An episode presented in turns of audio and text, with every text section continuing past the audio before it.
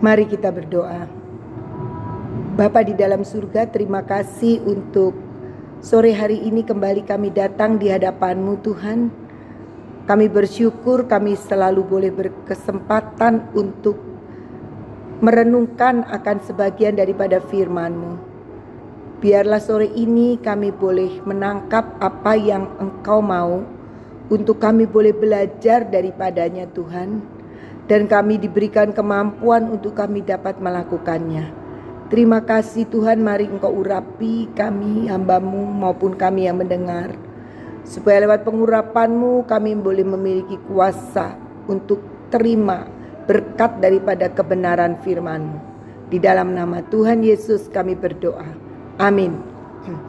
Shalom saudara-saudara yang dikasih Tuhan Yesus.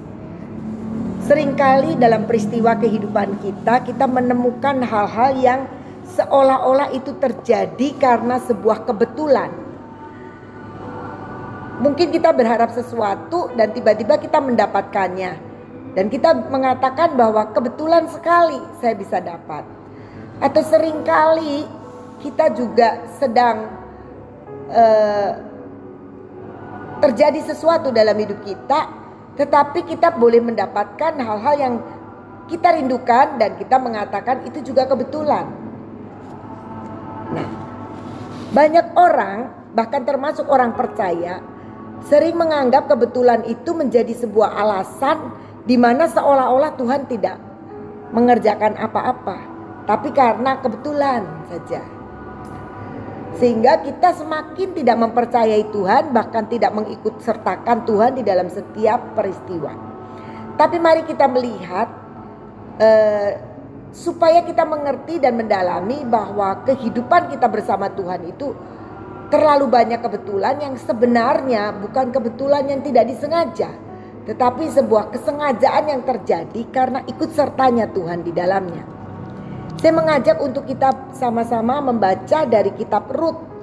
Rut pasalnya yang kedua ayat 3 sampai 8. Saya akan membacakan Judul perikopnya adalah Rut bertemu dengan Boas. Pergilah ia lalu sampai di ladang dan memungut jelai di belakang penyapit-penyapit.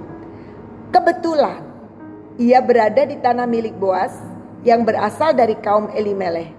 Lalu datanglah Boas dari Bethlehem. Ia berkata kepada penyabit-penyabit itu, Tuhan kiranya menyertai kamu. Jawab mereka kepadanya, Tuhan kiranya memberkati Tuhan. Lalu kata Boas kepada bujangnya yang mengawasi penyabit-penyabit itu, dari manakah perempuan ini? Yang dimaksud adalah Ruth. Bujang yang mengawasi penyabit-penyabit itu menjawab, dia adalah seorang perempuan Moab dia pulang bersama-sama dengan Naomi dari daerah Moab. Tadi dia berkata, izinkanlah kiranya aku memungut dan mengumpulkan jelai dari antara berkas-berkas jelai ini di belakang penyabit-penyabit. Begitulah ia datang dan terus sibuk dari pagi sampai sekarang. Dan seketika pun ia tidak berhenti. Sesudah itu berkatalah Boas kepada Ruth, Dengarlah dahulu anakku tidak usah engkau pergi memungut jelai ke ladang lain. Dan tidak usah juga engkau pergi dari sini. Tetapi tetaplah dekat pengerja-pengerjaku perempuan.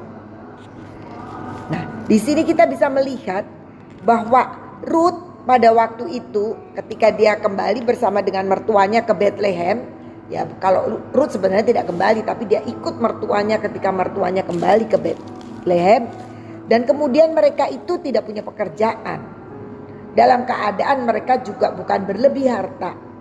Karena Naomi sempat mengatakan dengan tangan penuh aku pergi tetapi sekarang aku pulang dengan tangan kosong. Artinya sebenarnya mereka hidup di dalam tahap yang sangat kekurangan. Dan Ruth ini kemudian mencoba untuk mengambil e, memungut jelai-jelai dari masa penuaian itu. Dan dia pamit dengan mertuanya Naomi untuk dia pergi ke ladang dan memungut jelai di belakang penyabit-penyabit.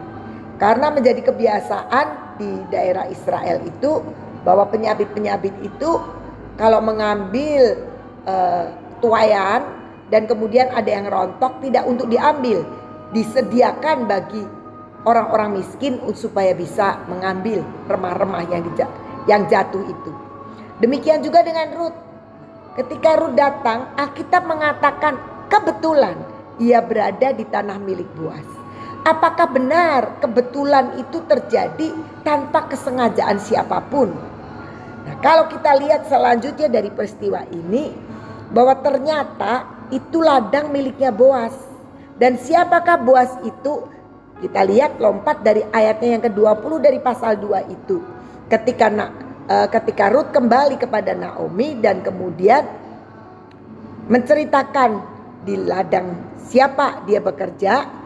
Sesudah itu berkatalah Naomi kepada menantunya kepada Ruth itu, diberkatilah kiranya orang itu oleh Tuhan yang rela mengaruniakan kasih setianya kepada orang-orang yang hidup dan yang mati. Lagi kata Naomi kepadanya, orang itu yaitu Boas. It, orang itu kaum kerabat kita. Dialah salah seorang yang wajib menebus kita. Jadi kalau kita lihat di sini ternyata sebenarnya Boas itu adalah orang yang wajib menebus kehidupan Naomi dan Ruth. Artinya mereka itu masih family, masih kerabat yang bertanggung jawab atas kehidupan Naomi dan Ruth. Ternyata padahal kalau kita lihat di dalam ayat yang ketiga tadi, kebetulan Ruth itu uh, sampai di ladang milik Boas. Sekali lagi kita akan mengerti Apakah ini sebuah kebetulan tanpa kesengajaan dari pihak mana pun? Ataukah sebenarnya kebetulan ini adalah rangkaian daripada skenario Tuhan yang sangat akurat dan sempurna? Saya lebih cenderung kepada yang kedua, bahwa ternyata yang Tuhan katakan di dalam Roma bahwa Tuhan turut bekerja untuk mendatangkan kebaikan, itu pasti ada campur tangannya Tuhan di dalam kehidupan orang benar termasuk Naomi dan Ruth yang mengakui bahwa Tuhannya Naomi juga adalah Tuhannya. Allahnya Naomi adalah Allahnya. Dan kita bisa melihat di sini kebetulan yang sangat sempurna karena punya sutradara di atas yaitu Tuhan sendiri. Yang ternyata ketika kita lanjutkan dalam kitab Ruth ini, siapakah sebenarnya uh, Boas ini kerabat yang bertanggung jawab atas hidup Naomi dan Ruth yang akhirnya memperistri Ruth itu e, menjadi istrinya dan pada saat itu kemudian melahirkan anak yang bernama Obed dan Obed ini adalah e, ayah dari Isai yang ayahnya Daud dan kita tahu pada akhirnya Daud menurunkan Tuhan Yesus Kristus. Jadi kita bisa melihat di sini bahwa kebetulan yang ditulis di dalam kitab Rut pasal yang ketiga ini satu kebetulan yang sebenarnya direkayasa oleh Tuhan. Jadi kalau kita sebagai orang percaya terus hidup bergantung kepada Tuhan, maka percayalah tidak ada lagi kebetulan di dalam hidup kita yang tanpa ada tangan siapa pun mengerjakannya. kita bisa lihat kembali di dalam Hakim-Hakim 7. Hakim-Hakim 7 ayat 9 kita mulai sampai yang ke-15. Yaitu kalau kita lihat judul perikopnya Gideon mengusir musuh. Itu di, tentu saja diutus oleh Tuhan. Kita akan mulai dari ayat yang ke-9. Pada malam itu berfirmanlah Tuhan kepadanya di sini kepada Gideon, bangunlah, turunlah menyerbu perkemahan itu, perkemahannya orang Midian musuh dari bangsa Israel. Sebab telah kuserahkan itu ke dalam tanganmu, kata Tuhan kepada Gideon.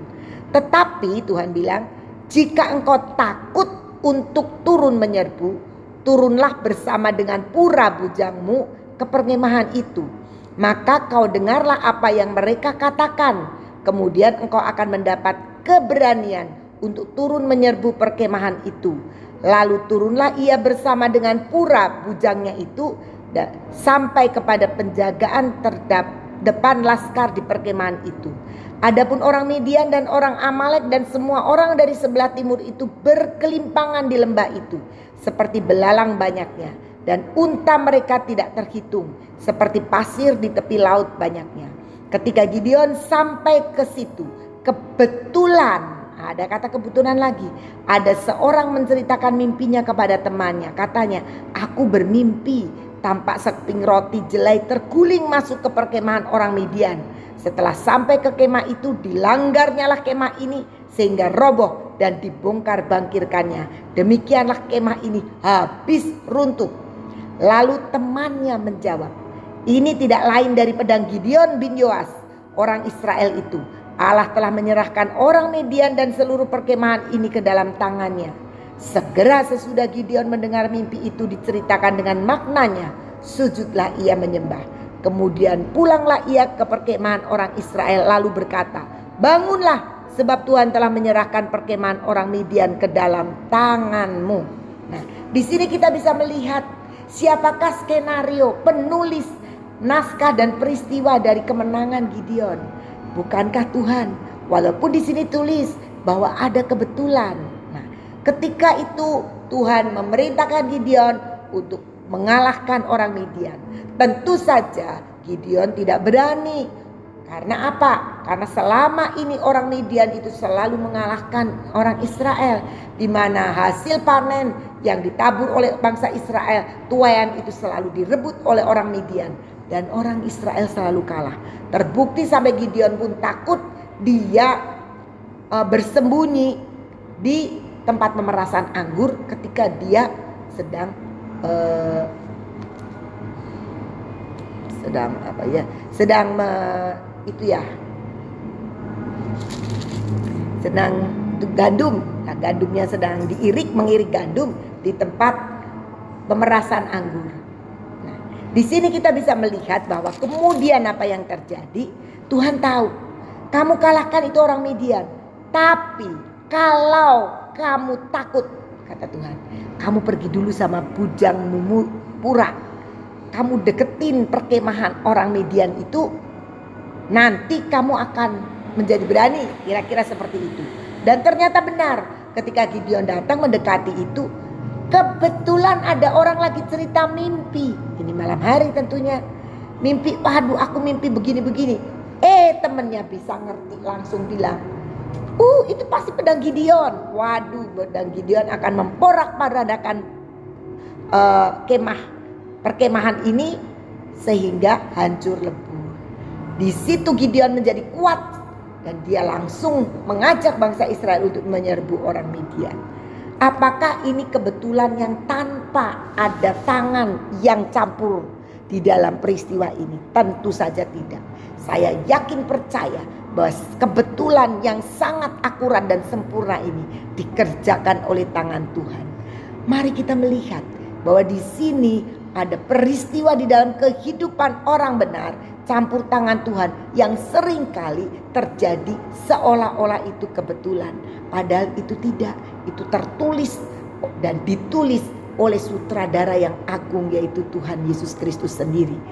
Mari saudara-saudara kita melihat ada begitu banyak peristiwa dalam hidup kita kebetulan demi kebetulan yang terjadi. Tapi mari kita melihat dan merenungkan Adakah kebetulan itu tanpa ada campur tangan siapa pun? Saya yakin itu tidak. Hidup kita selalu ada campur tangan Tuhan. Entah kita ke kanan, entah ke kiri, Tuhan selalu mau campur tangan dengan kita. Dan dia mau memberikan yang terbaik dan ajaib. Kita lihat peristiwa dua peristiwa dari Ruth dan Gideon ini. Kita sudah bisa menyimpulkan alangkah dahsyatnya pengaturan Tuhan dalam kehidupan kita orang yang percaya. Apakah Ruth sengaja mencari-cari ladang Boas? Sama sekali tidak.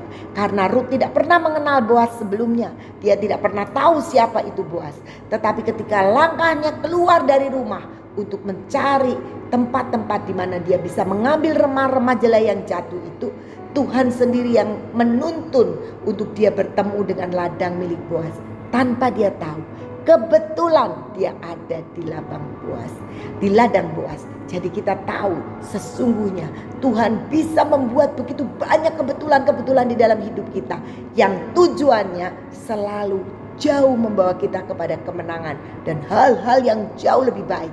Di mana Ruth akhirnya dia dipromosikan oleh Tuhan dia menjadi nenek moyang dari Tuhan Yesus Kristus. Ajaib bukan?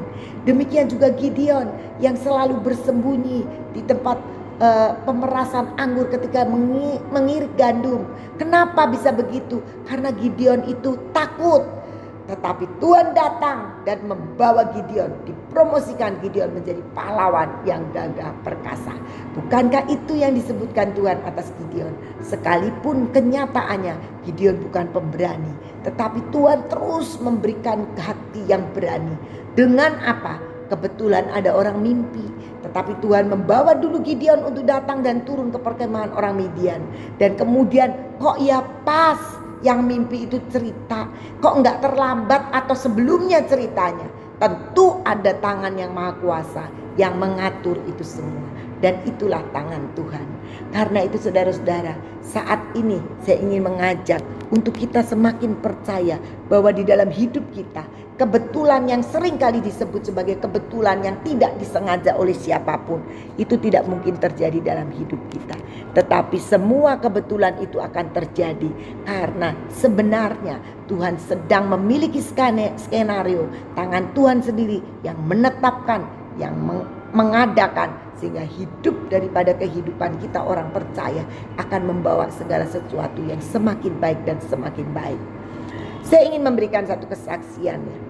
Kesaksian ini entah saya pernah ceritakan atau belum, tapi peristiwa yang sudah terjadi cukup lama. Di mana teman saya, rekan saya sendiri itu pada waktu itu mendengar kabar ayah mertuanya itu kena stroke dan masuk ke rumah sakit.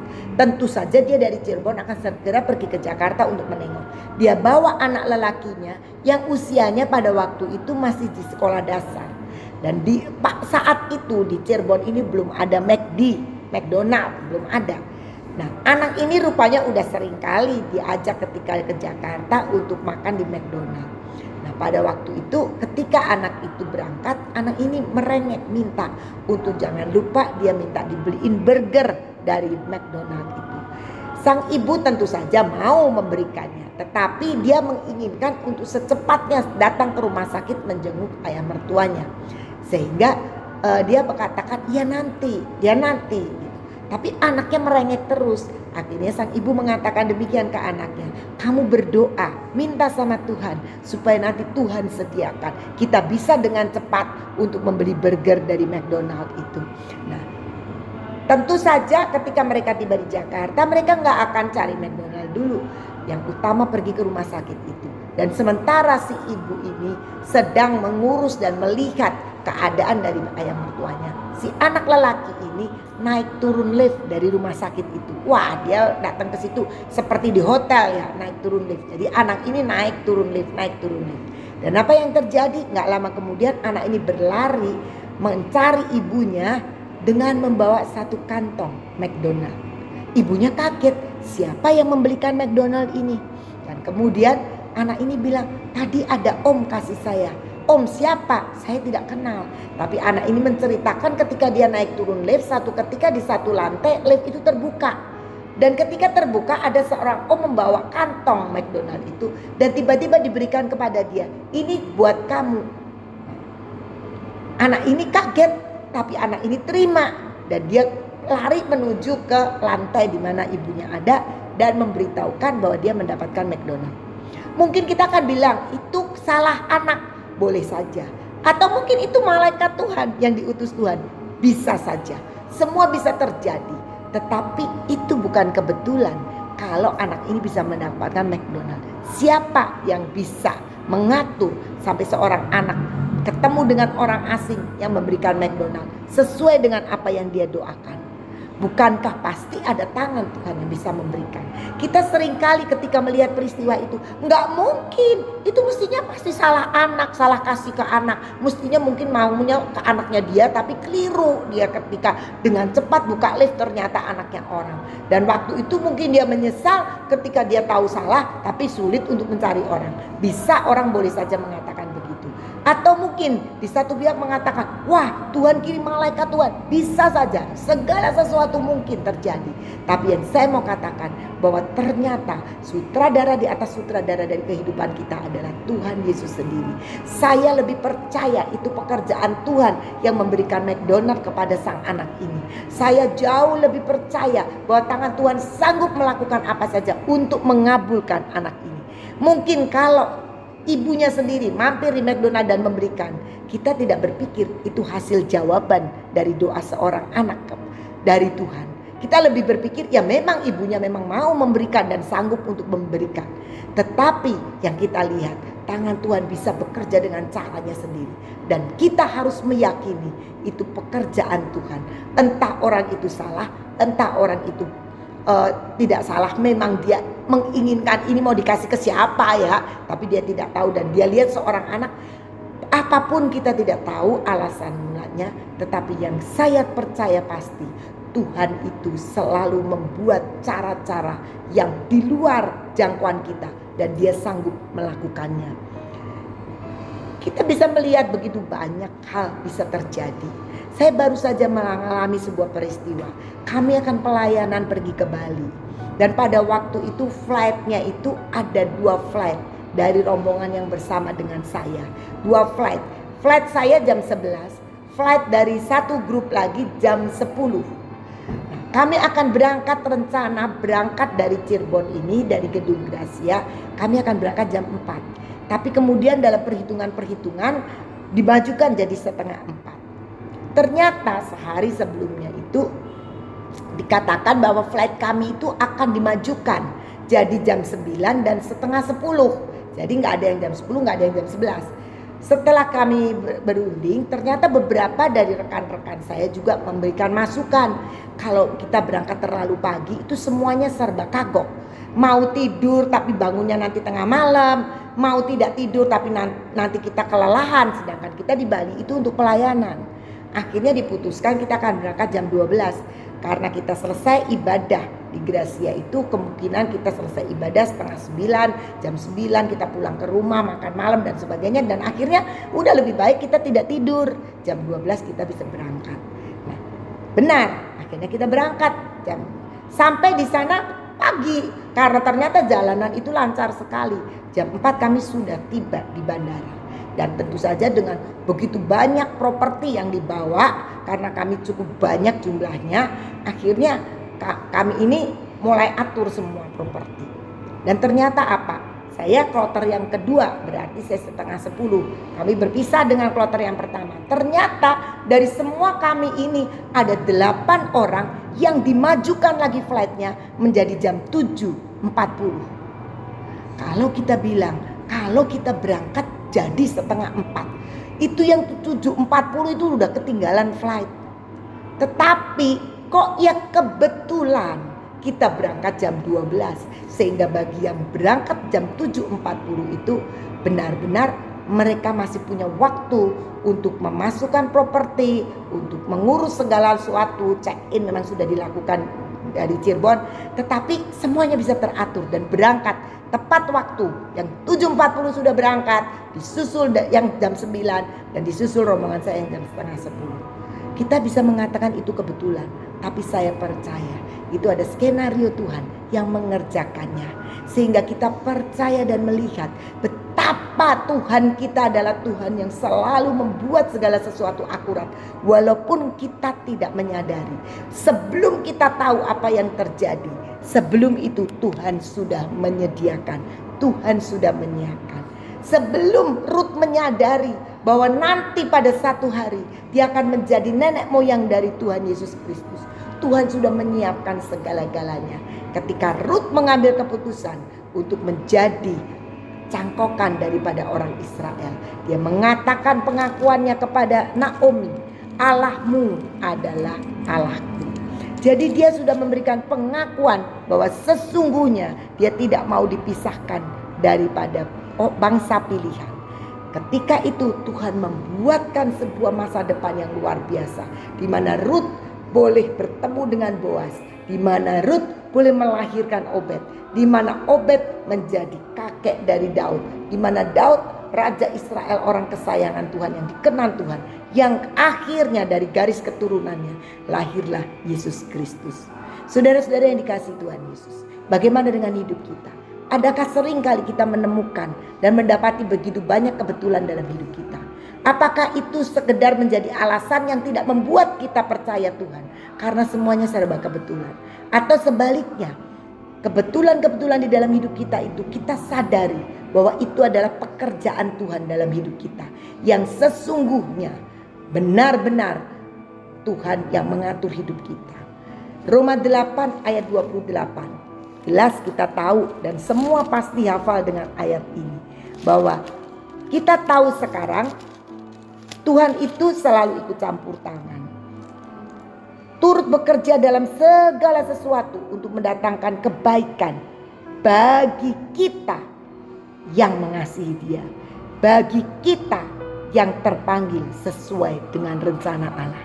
Mari setiap hari kita cari apa yang menjadi rencana Allah di dalam hidup kita. Kalau kita menjalaninya, maka jelas tangannya akan selalu ikut bekerja untuk mendatangkan kebaikan. Kalau namanya mendatangkan kebaikan, sering kali yang kita hadapi itu belum kebaikan, tapi menuju kepada kebaikan. Dan kebaikan Tuhan itu selalu sempurna, indah, dan luar biasa. Mari saudara-saudara kita belajar untuk senantiasa mempercayai bahwa dalam kehidupan kita tidak ada yang kebetulan dilakukan oleh orang lain atau pihak lain. Tapi semua yang kita anggap kebetulan selalu sebenarnya tangan Tuhan yang sedang mengerjakannya dalam hidup kita. Dan kita mensyukuri bahwa Allah selalu mau turut bekerja dalam hidup kita. Ayat yang terakhir saya ingin kita membaca dari Amsal. Amsal pasal 4 ayatnya yang ke-18. Dikatakan demikian, tetapi jalan orang benar itu seperti cahaya fajar. Kian yang kian bertambah terang sampai rembang tengah hari. Jadi perjalanan kita sebagai orang yang sudah dibenarkan, yang meyakini kita adalah orang yang sudah diselamatkan, menjadi orang benar di hadapan Tuhan.